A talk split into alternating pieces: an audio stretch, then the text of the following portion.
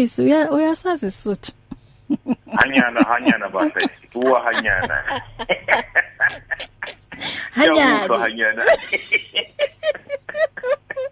Hey mhlawumbe lokuthi hey uthini lo mhlabeleli? Yeah it's hard yeah.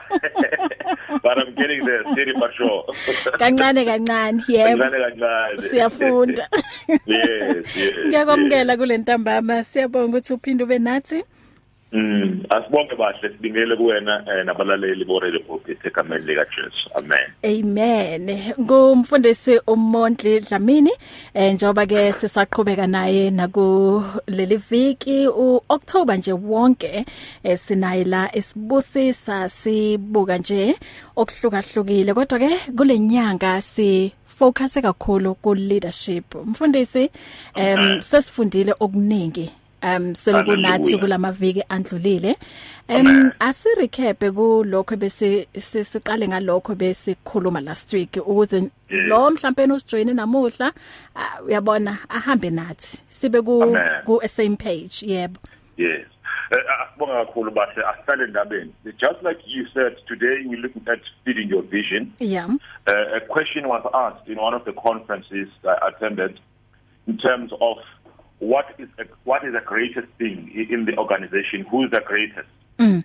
And and we all came with different answers. The pastor, the CEO, this, this, and that. Mm. It, it all boils down to the fact that the most important thing in any organization is the vision, yeah because it's the reason we come together. So if, it, if it's that much important, so it means now we should be intentional in terms of how we approach the vision and how we look after our vision, how we protect it. So we're going to go deeper into that later on. But I think it's very befitting to recap a bit uh, in terms of uh, how do I know my purpose? I think that's a million dollar question that is worth uh, recapping a bit today. yeah And then we also need to look at how you handle rejection. rejection Because, yeah because most of the dreams and the visions are mm. buried in the grave of rejection. true So, so today when I say if the walls have been broken, mm. uh, you need to rebuild those walls. But again, you need to understand how do you uh, navigate mm. uh, the experience of rejection. Mm. Because rejection is not the end. yeah So, so, so, so maybe high level in terms of how do I know my purpose? mm. Uh, the, the first thing that comes to mind, you know, when, when, when we, we look at this question, is the fact that, but you can't teach a bird to fly. Mm. You can't teach a swim to fish, mm. to swim, mm. sorry, to, to, to swim. So these abilities are already embedded when these two things are created. So, so when you are born, uh, you come on this earth, already the purpose is already embedded within you because you Yeah. come for a reason. mm. So if, if you look at First Corinthians chapter two, verse eleven, it says, "For who knows a person's thoughts except their own spirit within them?" As we're sitting in this discussion today, I can't read your thoughts. I can't tell you what you think right now. In other words, it says now, one's inner thoughts are known only to himself. There are things that you need to know about yourself before you expect others to tell something else. For example, if, if you look at under normal circumstances, why don't we pres- prescribe to our children what they should do in life? But instead, we, we look what uh, talents and abilities are they showing, then we tend to, to, to guide, you know, and support them in their chosen career. The reason being, you cannot develop a talent that is non-existent. So that the fire must be there first. Then you can stand the fire. Are with me, Buster? So, mm. so, so if we don't, if if, if we don't have this uh, uh, uh, clear direction, mm-hmm. we, we expose ourselves to to what is uh, popularly known today as prophetic directions. Those prophetic one-on-one stuff like that. I, I, I'm, I'm for prophet, prophecy. I, I like prophecy. You know, I, I value it, in, in, in, you know, in, in all the angles. But again, we also need to to to to test and approve every prophecy. And you don't need to pay for a Moses in this era that we're living under. You don't need to pay for a Moses to go to the mountain and, and inquire of the Lord on your own behalf. So if you're clearly in the dark, my advice would be you know what? You need to seek and ask God's direction. And He will definitely answer you because God is interested that you fulfill the purpose which He has called you to fulfill. So, so maybe the second point that we need to look at under this question is the fact that you, can never take an eagle into a swimming school. So if you're an eagle, you do not need to go into a swimming school simply because that is the way is the way out.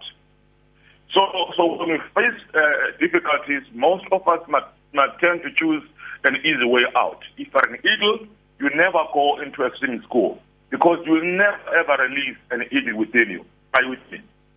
Maybe, maybe just just an easy example around this. You know, when I went to varsity, uh, I couldn't get direct access uh, at, uh, admission into varsity because my points were not enough.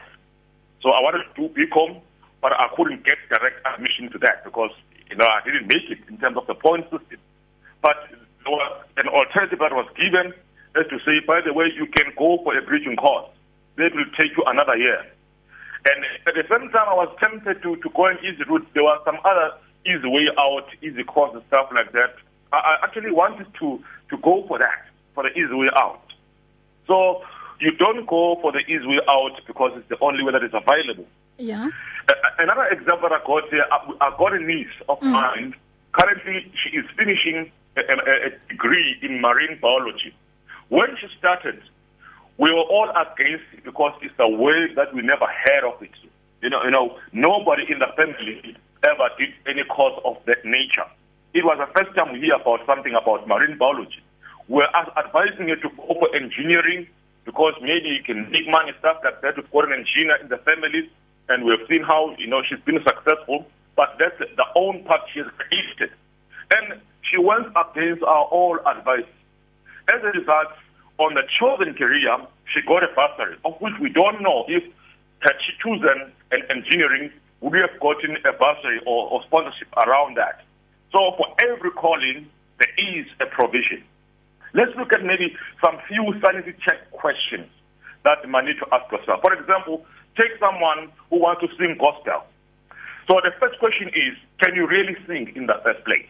Because if you can't, yeah. are probably not a singer. Mm. You need to, you know, find something else. Mm. So the same applies with all other vocations. What is in what is the thought that never leaves you? Mm. Or what keeps you awake at night? Mm. Those are some of the questions that you can look at. Where are you truly, you know, passionate? What are you truly passionate about? What is your deepest desire? What will bring you the greatest satisfaction of fulfillment? Mm. What is within your reach right now? That's a very important question. What I've been trying to, to, to, to say for the past three weeks, we need to act right now Mm. with what we have. Mm.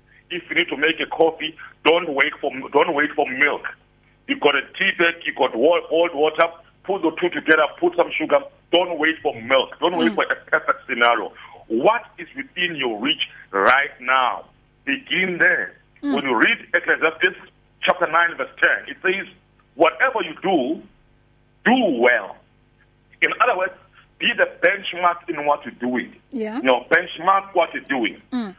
For when you go to the grave, there will be no work of planning or knowledge or wisdom. Mm. Are you with me? Mhm. So what you do now, uh, what you do now becomes your CV for your next promotion. Mm. So, so many people are asking themselves, why am I not being promoted? I've been in this organization for a long time. Maybe the reason because people they know your laziness. Mm. Nobody can promote anybody who wants they've experienced your laziness. Yeah. Yeah. So what you do right now becomes your CV for your next promotion. Mm. All right. Mm. So uh, that's how I will wrap up this question in terms of how do I know my purpose. I'm saying to you, what is within your reach right now? Begin there. You know, a journey of a thousand miles. Begin one step at a time, and you may never know who is your audience. God is a God of divine encounters. You might find that what you're doing right now, someone at the right position, at the right level, is busy watching. Yeah. All right. Now, number two, let's address this thing of um, how do I handle rejection? Because uh, most of us, if not all, have faced some form of rejection in our lifetime. Yeah. Because if we never face rejection, maybe it means that you never tried anything at Mm. all. You never started living. So by the time maybe you get to a to a to a no, you might take it too big and maybe commit suicide and maybe hurt the people around you because you are you are not used to a no situation. Maybe a, a brief of a personal testimony around this. Uh, in in 2018, Bashem, I, I, I needed a job so seriously. You know, it, it was an urgent situation. The organization that I worked for had just restructured, and I was affected. So, so I was applying every day for the next 30 days. I was applying every day at least for 10 jobs in a day for the next 30 days. So in 30 days, you can imagine that it's like 100 jobs. So I, I got so many, you know, job interviews in the on the second month. But this this one that stands out for me, I, I drove from from KZN to Johannesburg early in the morning, as early as four o'clock in the morning, to make it for an eight o'clock interview. In, in the process of the interview, the interviewer, the senior manager, simply walked out in the middle of the interview Hey, after bo. all that I've sacrificed. Sure. Are with me? I, I can quote any other experiences. In my environment, I grew up without a father. Not that he was there, he was there, but he was too busy with other most important things in his life.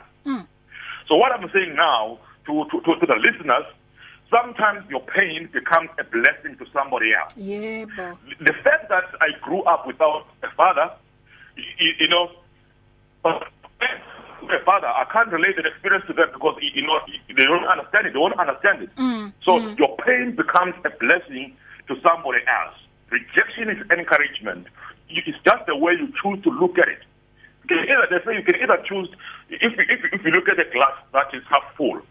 It's either you can say it's half full or it's half empty. It's just the way you take it and the way you choose to look at the circumstances. Yeah. You might not choose what happens to you, but the way you respond is totally within your control. When you read uh, uh, Ecclesiastes chapter 9, verse 11, it says, Bad luck happens to everyone. bad luck happens to everyone. So, so bad luck is not the last chapter in your life. So, so maybe a few examples, then maybe we can just pause there for a moment. Uh, Jesus was rejected by his own people when you read John chapter 1, verse 11 to 12. He came to his own people, and he, even they rejected him. You get what I'm saying? But he never stopped, nor changed the message because his own people rejected him. You look at the example of, of Joseph. Joseph was hated by his own brothers because of his dream, but he never quit his dream. They hated him more than ever. That's Genesis chapter 37, verse 5. So, so, so, so around this thing now of rejection, remember in life, you you never get a hundred percent vote.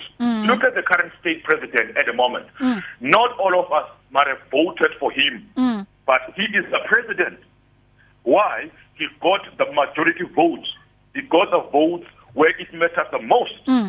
And I'm saying to somebody out there, God is our majority. If God be for us, who can be against us? God is our majority. You don't need to worry about winning all the votes. Just get the majority votes Yeah. behind you. Then you are sorted. And I don't know where you have been broken, but I'm saying to somebody right now, I advise you to get up and rebuild those broken walls. Now, if read uh, Philippians chapter 1, verse 6, it says, God is the one who began this good work in you. And Yebo. I'm certain that he won't stop before it is complete on the day that Christ returns. A marvelous scripture. Hallelujah. Amen. I, I, I, I like to I like to take maybe some questions. There's some any questions and some comments, but, uh, but I'm, I'm happy to engage them now. Then now we're gonna move uh, deeper into feeding your vision. Wow. Uyazi em mfundisi especially uma ukhuluma ng- ngale yokuhandlela i rejection kuyiqiniso ngempela ukuthi em baningi abantu ukuthi bebanamaphupho kodwa lawo maphupho because of i-rejection they are mm. buried and uh, naye ngoba ethatha izinto lezi abantu abayishoyo and nale rejection so kuvele nje kuphelele kanjalo.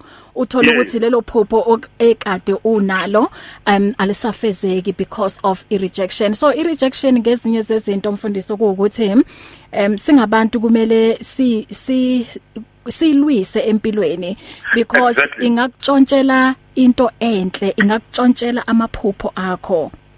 Mm.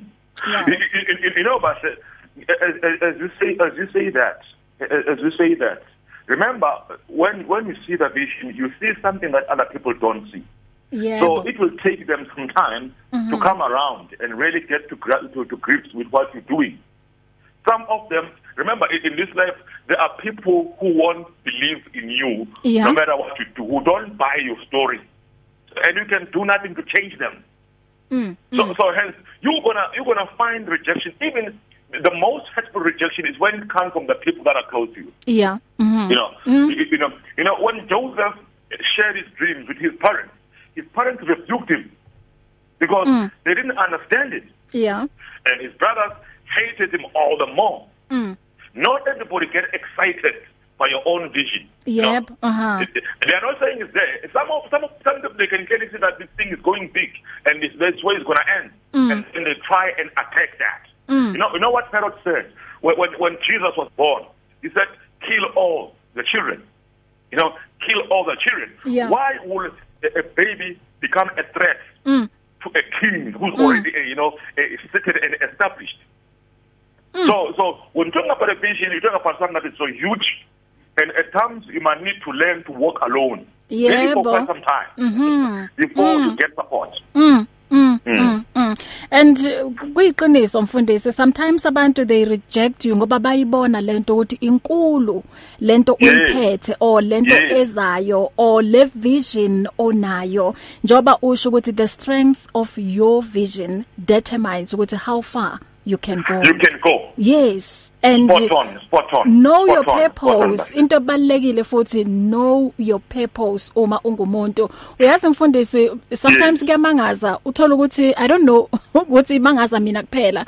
Kodwa ngithola i ingimangaza mina like maybe ngibuza umuntu ukuthi what mm. is your purpose? Uthola ukuthi umuntu akakwazi ukuthi akuphendule ukuthi yeah. ipurpose yakhe yini. So uyabona ukuthi already um uma ungayazi ipurpose yakho kusho ukuthi nempilo yakho it, it can be ruined. Exactly. Yeah. Exactly. Mm. Asithathe ikhefu mfundisi and then uma sibuya ke siyaqhubeka eh ngalendaba uma unembuzo ungawuthumela ngeWhatsApp unga um, noma kuyi voice note nalapho kulungile. Eh ungathumela na ku um kule SMS number 37871 uma ngibuya em emveni kwalokho incingo ke zivuliwe ku 012334 1322 ukhona la umfundisi mbuze nanoma yini? Mhlambe kwamanje uyabona nje ngathi impilo yakho ayi ayinayo direction and kungenze kungenzeka ukuthi it's because ipurpose yakho awuyazi ula emhlabeni. And ngesinye isikhathi kungenzeka ukuthi it is because of rejection ulalela izinto ezinegative abantu em abayikhulumayo. Em ngesinye isikhathi mfundisi It's true. Mm. Um like for instance ukwenze iexample ngomhlaba ngokucula ne? Ngokucula. Yes. Uthola ukuthi ngesinye isikhathi une passion yokuhlabelela kodwa um awunalo ukhono lokucula. Mm. Sometimes bayakusiza ukuthi you know what kunezinto eziningi ongazenza emculweni but hayi ukuhlabelela khona hayi no. I voice i voice ayikho. musical field yeah. Yes. Um lapho sometimes bayakusiza uyabona? Mm. akusho ukuthi mhlawumbe bane jealousy or mhlawumbe yeah, ba exactly. yes. Um bathatha nje your dream. I dream yakho ingaqhubeka kodwa uthola ukuthi u behind the scenes or wenza ezinye izinto khona la emculweni Let me just mention this thing at uh, point Bahle. Yeah. Some rejections are divinely appointed. Yebo. Mm -hmm. When when when when when Joseph's brothers sold Joseph mm. to Egypt, mm-hmm. it was divinely appointed. Yeah. Yes. So not all rejections is, is because people are jealous, Mm. but God will redirect you if He sees that you, you know you're taking too long to grasp what He wants you to do. Mm, mm, Yes, He will redirect you. He will Yeah. close some other doors and take you out of your comfort zone so that you can go out and be the best and serve the purpose which He has called you to do. mm, mm. Wow. Siyabuya mfundisi sisaqhubeka sixoxe ngoba isikhathi sethu sesenaso 28 after 4 o'clock. You're at 657 AM. Radio carrying 24 hours a day. 657 AM.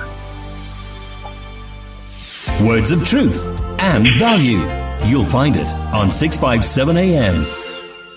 Silapha impela ku AM 657 ungangena na ku DSTV audio bouquet 882 noma usilalele ku OpenView um channel 607 ungangena na ku Radio Pulpit app ungayidownloada kumakhala khukhwini wakho. Um angithathe la uline 1 sawubona usemoyeni? Sizi. Eh wetata mfundisi. Mm. Ha mandibulise kubishop wami eh nge- ngeka Kristu kama Amen, Dada.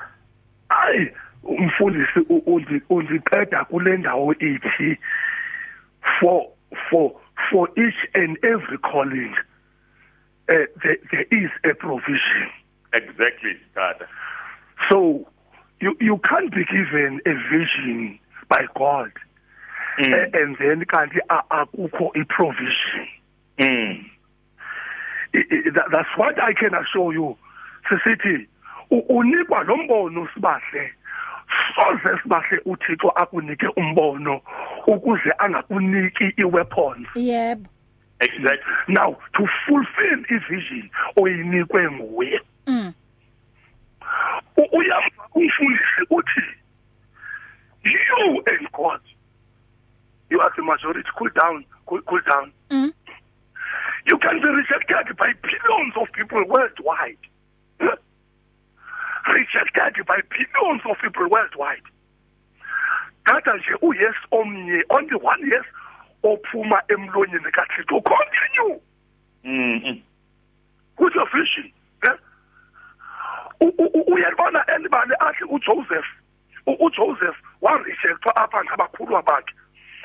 But u- u- umfundisi uthi zange ayikhwithe ivision. Ithi ke loo nto tatam siyabulela ukuba usixelele ukuthi sinikwa umoya oyingcwele we-empowerment. Mm. Mm. we are equipped. Now fully loaded. Ithi sibahlela nto let's bold sithi sibe brave sibe strong enough to say thixo Mm. nginevision yakho. Uyabona ekugqibeleni? Ngelaa xesha u- u- u- uDaniel wayerejectwa mfundisi kuDaniel 6 wayerejectwa phaya iBabylonian government. Mm. I- i- uyasibona sa political big wigs esa education heavyweights zonke zimreject Mhm. he stood alone sibahle hayi. Yebo. Hayi, man. Hayi Mm. wema Oh. ndiyabulela inkosi nkosi nkosakhulu hey siyabonga mfundisi bangani nkosi nkosi mama Sabanga mfundisi bangane, sabanga Dada. nkosi Wow. Mm. Yeah, 16 um 31 sithi namuhla feed your vision, feeding your vision. Siye sabuka ukuthi yebo we are designed mfundisi for a mm. purpose. Exactly. and you know empilweni kuzoba khona abantu ukuthi ngeke ba bakusupporte uma kuza kuma dreams wakho kuzoba khona abantu ukuthi em bazo rejecta kodwa akusho ukuthi kumele u- uyeke wena nje kumele u, u, u consult noNkulunkulu uyabona Yes, Em, yes. uyena okuwukuthi um ngaso sonke isikhathi uzokubonisa indlela okuyiyona and uh, uzokucele futhi ne wisdom into ebalekile i wisdom lana mfundisi Yes. mm O- On this point, but you remind me, you know, there's a saying which says, when, when, when days are dark, friends are few. Am I right? Yeah, it's true. So, so, so, so I extrapolated that and say, I said, when days are, are bright, friends are many. Mm, mm, mm. Kumbula indodana olahleke a prodigal son. Yebo. But by the time he had goods, he had stuff, he had many friends. Mm, but mm. when he had nothing, people, you know, moved away from him. Yeah. So, but kune point ke le esho umfundisi bangani, it touches me. Mm. Eh eh, le ye- ye- le akhuluma ngayo Mm. i provision. So so so if, if we take it from there, for every vision there is always a corresponding grace. For every Yebo. calling there is a Mhm. corresponding grace. Mhm. Let me just make an example. I am the husband, Mm. you know, in this house. That and for, for to be a husband, there is a corresponding grace. I'm a husband. I'm a father. There is a corresponding grace for that. Mm. So I I never try in any given day and try to be a wife Mm. because I don't have grace corresponding to that. Mm. So my wife is called to be a wife and has been allocated the corresponding grace. So when you leave your calling, you run somebody else's race, you also lose the race that has been allocated to your own calling. Mm. Mm. Sure.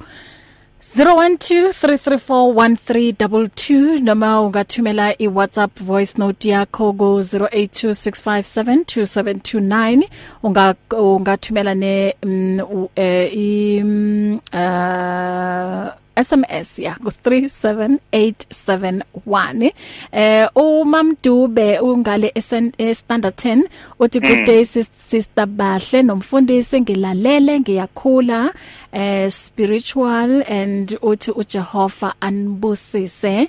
Njalo siyabonga siyabonga nathi mama.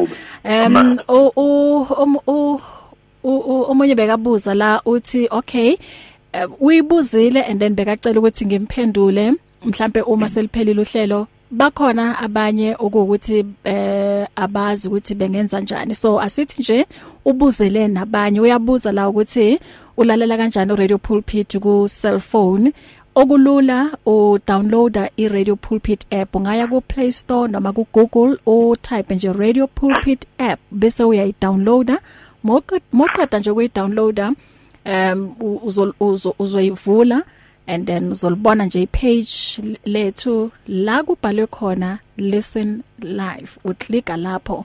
Mawuqeda ke ukuklika eh ku- kuzovuleka ke lapho uzobona khona ukuthi u- ungaklika bese ke i- ithi play lapho ithi play khona.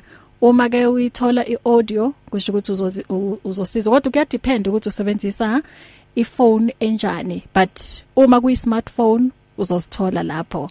Yeah i think ngichazile ngendlela engi understand ngayo. Okay um 0123341322 asi ya siyela elayinini. Sawubona semoyeni sawubona? Isilahle kwakugele TV limushango eh wathi eh ka- ngalomzuzu mama umnye ekho. Mm. u- umfundisi enkosi mfundisi kakhulu.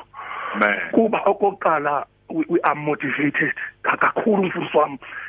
Iyazi exesha athi umfundisi sibahle Mm. yamamela athi i rejection is encouragement. Mm, mm, eh, da- da- dabhala phansi mfundisi mfundisi make no mistake ndimamela kakhulu. Uthi i-rejection is encouragement. Yes. hey ndithi thixo yini ziphi indlebe zabantu babepulpit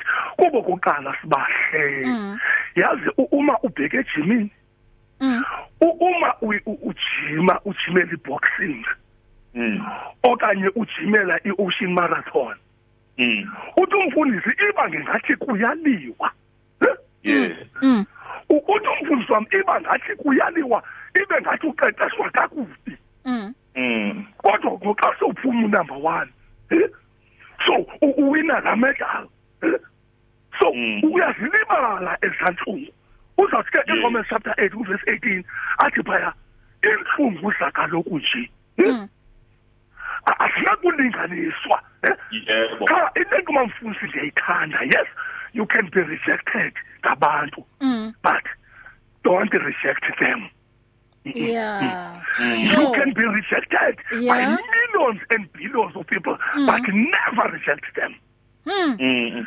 Because because abayazi bonke abakurejecte lapha koko asingabo aba barejectayo. Eh, so somebody in them called evil spirit. So masetyenziswa ngulo ngendawo. So uthi ngomfundisi wam izawuthi abatatatam umoya oyingcwele ozawulawula kum ukuyazi ukuthi i-rejection is motivation eh?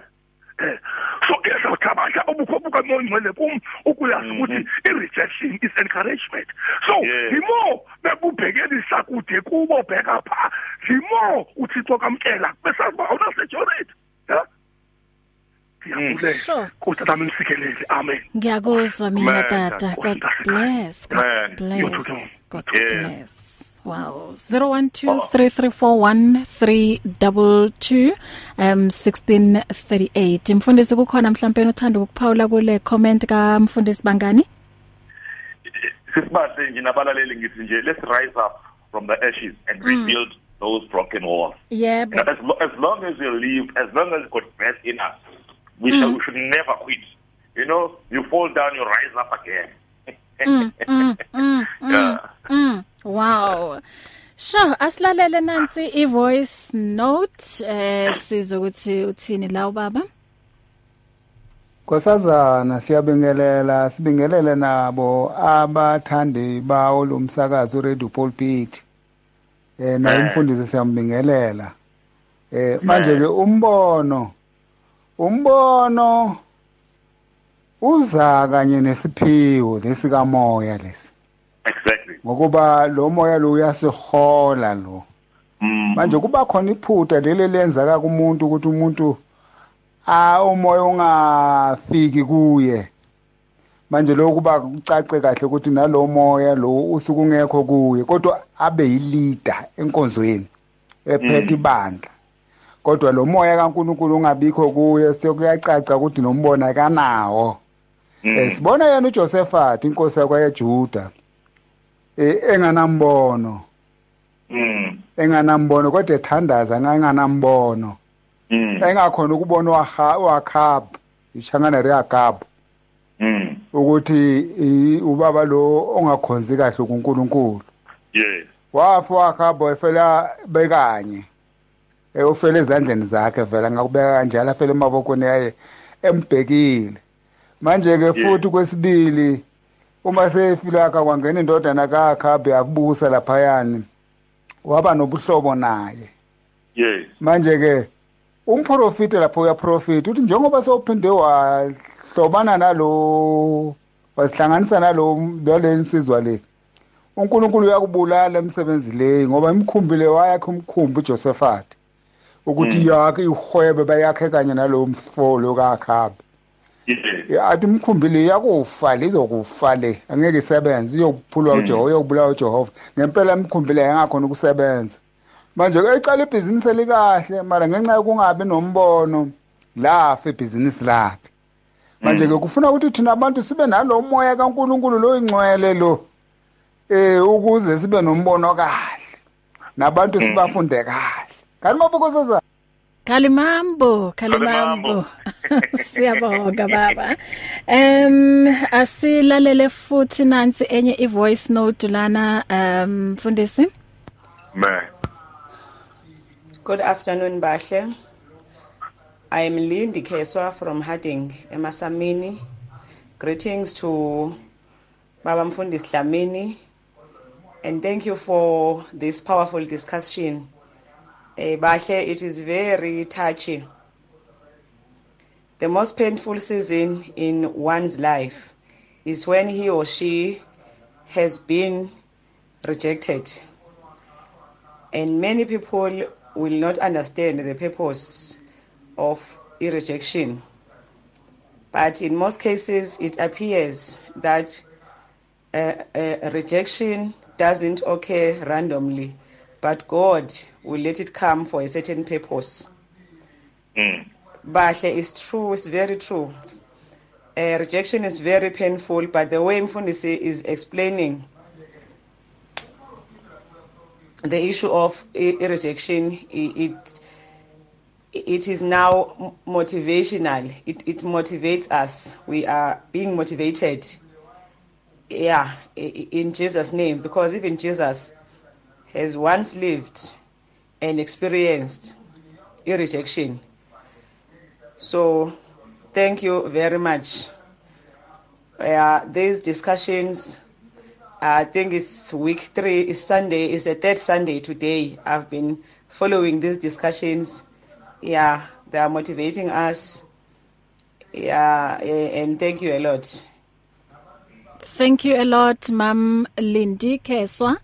Yeah, esho la ukuthi yebo mfundisi i rejection ibhlungu yona impela and you know ukuthi esikhathini esiningi vela siyithola ku kubantu esibathandayo abantu ukuthi sisonde- sisondelane nabo abantu ukuthi bonga expectanga lokho from kubo Yes. so i i think that is why uthola ukuthi iba more painful. Painful. yebo ngoba abantu labo expecte ukuthi uthole isupport from kubona so uma kuyibo futhi aba abagrejectayo Rejectayo. yeah kuba nzima so it's possible ukuthi ungathola nje your dreams um yeah thola ukuthi kuyashabalala kanjalo um Yeah. siyabonga ku sisinkosi nomsa mnguni eh, ugcineke sekasijoinile eh uthi Okay. silalele mfundisi inzima indaba ye rejection Yes, yes. Mm. yazi sibahle ngifuna ukuthatha iz- izinto eziwuthula eh ubaba ukhali mambo we should appreciate his contribution as well yeah yeah Uh, what, as I was speaking, something came to my mind. Remember, leadership, there are three levels. There are men-appointed leaders. Abantu abakhethwa abantu. mhm And then it will take people to bring you down again. exactly And then there's those who are self-appointed. Mm. Khona umuntu ongabe ngene esikhundleni angehli angehliki abe yityrant.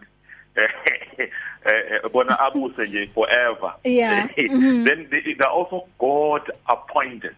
So i- in this season we need more of God appointed leaders. Yeah. So those are three levels. Mm. But also ezinye izinto sisibahle zibulawa abantu esibasondeze eduze kwethu. Mm. Some of the visions are being aborted by the people that we bring closer to us. yeah There is a hierarchy of relationships. We need to understand that. Mm. So mawubuka uJesu, uJesu wayene main man, khona umfundi kuthiwa wayethanda uJesu, yabo? So number 1 law. Bese kuthi below that kube khona i3 uJesu ayithatha wenyuka nawenta benokhazimuliso. Yabo? Secondly yale bese kube khona the 9 yayishiwe eh, at the bottom of the mountain. it was they were busy with the crowd laphayana bezama ukukhipha amadimoni engaphumi this at a third level kube khona enye fourth level eh yabafundi abawu 72 uJesu abasenda in pairs yabona there's a fifth level so so kube khona kube khona manje ke the crowd the crowd so so so so the crowd is only there in your life for what they can benefit, what they can get out of you. Mm. They're only there to extract something out of you, not to boost you, not to encourage you. Ngikhathi Jesu ebanikeze izinkwa badla nenhlanzi basutha. They followed Jesus. And then when Jesus uh, met them, they said, "How, Rabbi? When did you come here? We are looking for you." Jesus said, "No, it's not because you are looking for me. It's because I gave you bread and fish and you ate for free." Kulale genge, kulale group ema freebies. Abantu bezinto zamahala. So you must understand this hierarchy in your life. It's there in every person's life. mm, mm, So Dr. Miles Monroe said, casual friends deserve casual time. You don't want to misalign your time allocation. So there, there are some quality relationships that deserve your quality time. There are also casual friends that deserve your casual time. So we don't know, don't know twist these things because if you do that, you're going to be hurt. Some people are there to kill what is inside of you. yebo Mm. I think ibuyela kule ndaba yokuthi um u- u- ungakhulumi ngamaphupho akho o mhlawumbe izinto oyiplanayo kubantu ngaphambi kokuthi kwenzeke. Manifest, exactly. Yeah. In, in, in, in our culture, we say we khulumele ziko. Yeah, you mhm. preempt things. You preempt things. You, you you too forward. You put the cat before a horse. Yeah. Yeah. Okay, sithatha umunye la ilanini mfundisi sawubona semoyeni? Ey sibahle bendiba ndibalekile ke bona. Ey hayi ngxe ngxe befundisi bami sicela uxolo. yebo mhm. Y- Yazi i- the only thing bishop wami enqoma ndiyayithanda to to know that uh, there's somebody in you now o- obangela ukuthi mawube uya rejectwa. Mm. Now they are not rejecting you. Hmm? Mm. So there's somebody in you called Jesus. Mm. Mm. Somebody in you called God. So the creator of heaven and earth is in you, you, you, you. So nguye lo muntu bamqaphukelayo bamrejectayo. yeah Mm. Meaning that yazi sibahle njengoba nda- ndagxothwa kwa education. mm Now they rejected me. Ndandiyitishala ndagxothwa. But u- uyaqoma ubishop uthi kum i-rejection is encouragement. yeah. So that's why ndiye ndema phezu kwecouch ndathi tyheni ubishop uf- ungowaphi uvelaphi why? Usithi i-rejection is encouragement. Ekube ma ndathi ndawurejectwa kwa-education Eh, ndashiyeka sibahle ndifresh more than before. Mm. Eh, ndarejectwa mfundisi wam kwinkonzo ndandikhokhela enkulu. Sure. So inkonzo sibahle ndibukele tivini ngoku? Mm mm. I've been rejected. Now thrown away. So they reject my family. Oh, kaloku ndiyindoda ibijongene nee-traditions nee-customs zalapha zalapha efemeni umzekelo so the blood of jesus asinceda um uyabona ke le nto ibanga uba urejectwe inyaniso um so inyaniso ke nguthixo um but in short a- a- a- a- andicockros andikumbelanga namnye kubo. Yebo. Because what had happened kum kwenzeke into ibiyehlele inkosi yam egama lengujesu eh? mm. So that's why ndifunde into enkulu umoya oyingcwele endilawula ukuthi yes they can reject you but never reject them. Yeah. But one day bazokufuna ngenye imini we. There comes a problem. Bazokufuna nalapho attend to their problems. Attend please. Banakekele because oko bebekwenza.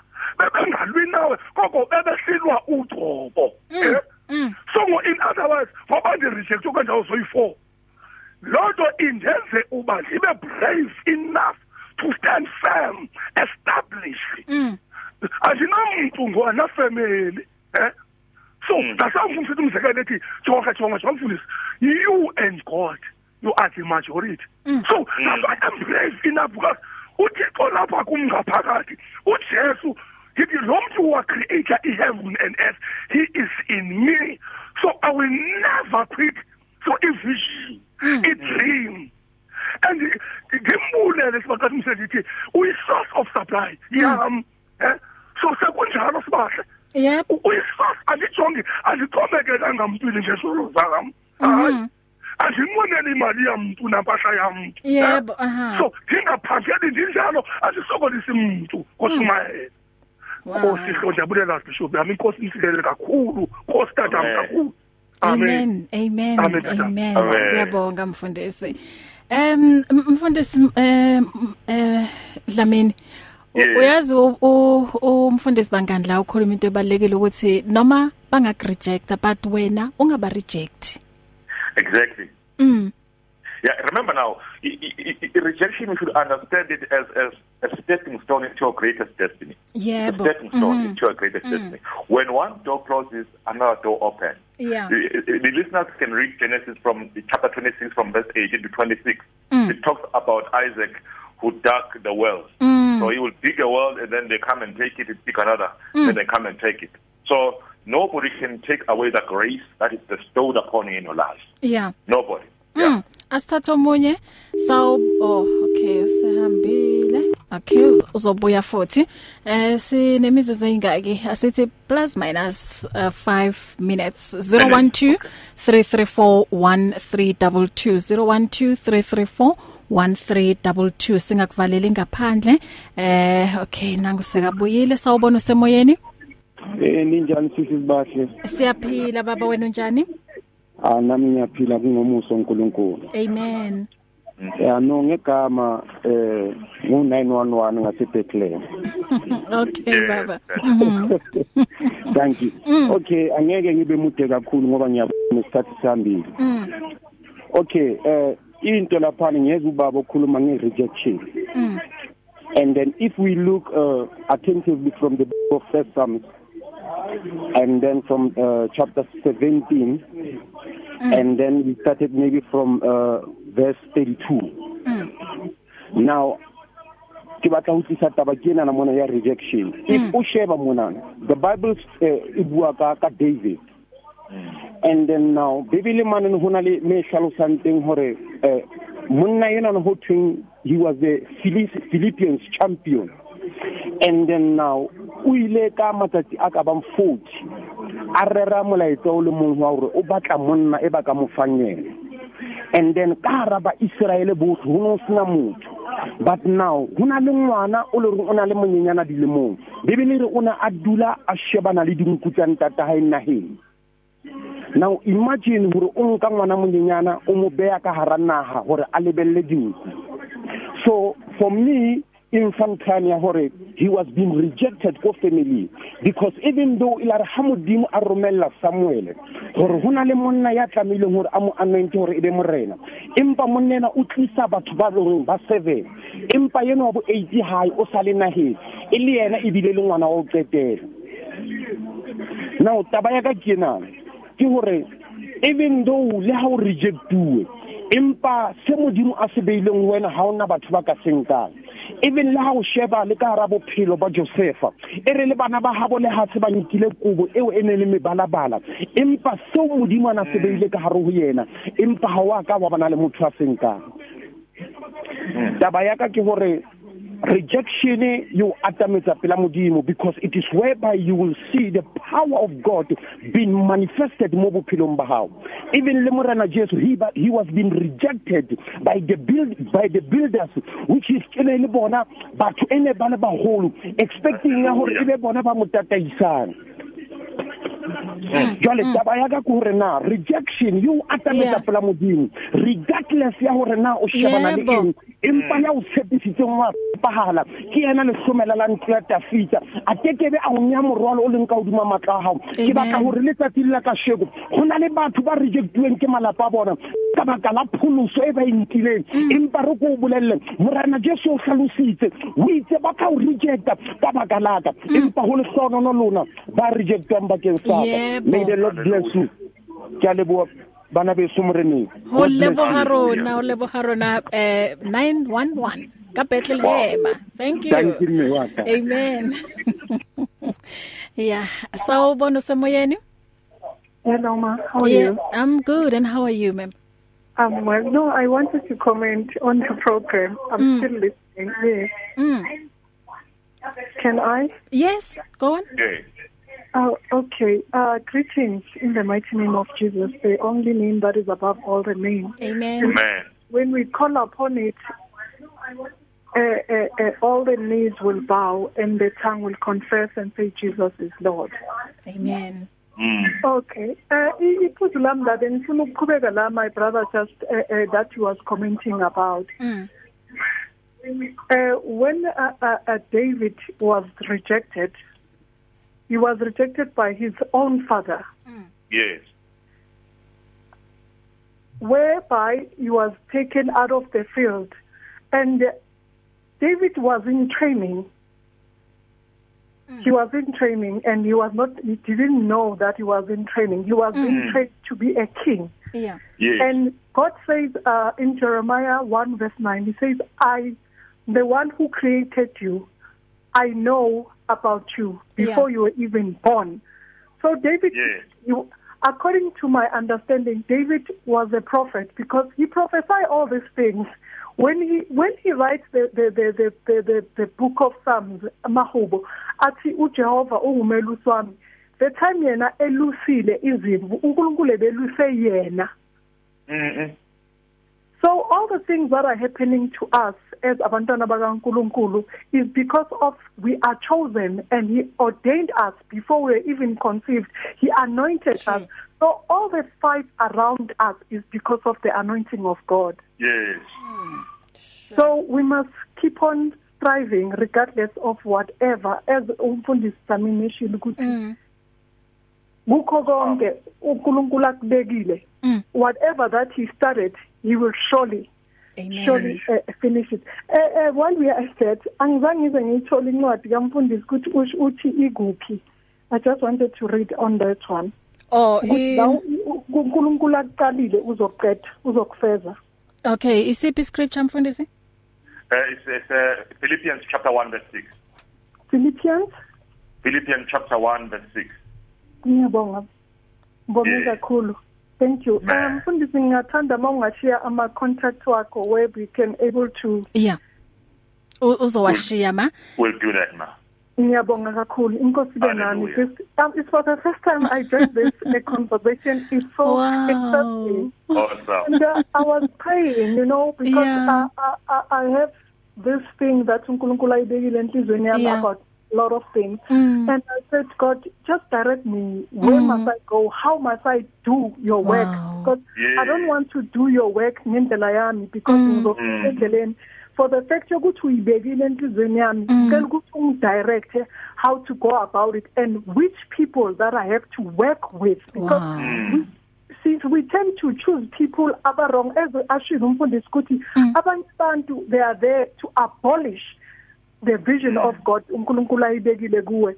Eh while we at that u- u- uJesu naye bekanabafundi bakhe that were very close to him regardless of the crowd. The crowd was there because they wanted isinko bayazi ukuthi bazaphaya because bafuna ama freebies but kunalaba abakwi close circle yakhe Yeah. those who believed in him more than anything. Makahamba nabo laphayana kuthiwa u- u- uLazarus ushoni before uLazarus ukuthi umuntu u- who was oh Lazarus was dead yes Mm. Sure. And- Thank you so much mama for your contribution. God Thank you very much. bless you. God bless, Bless you. you. thank you so much Wow. Um mfundisi isikhathi sami sithi angigijime ngicela ukundlula la ngemessage ka Mam Ntombi Mvubu.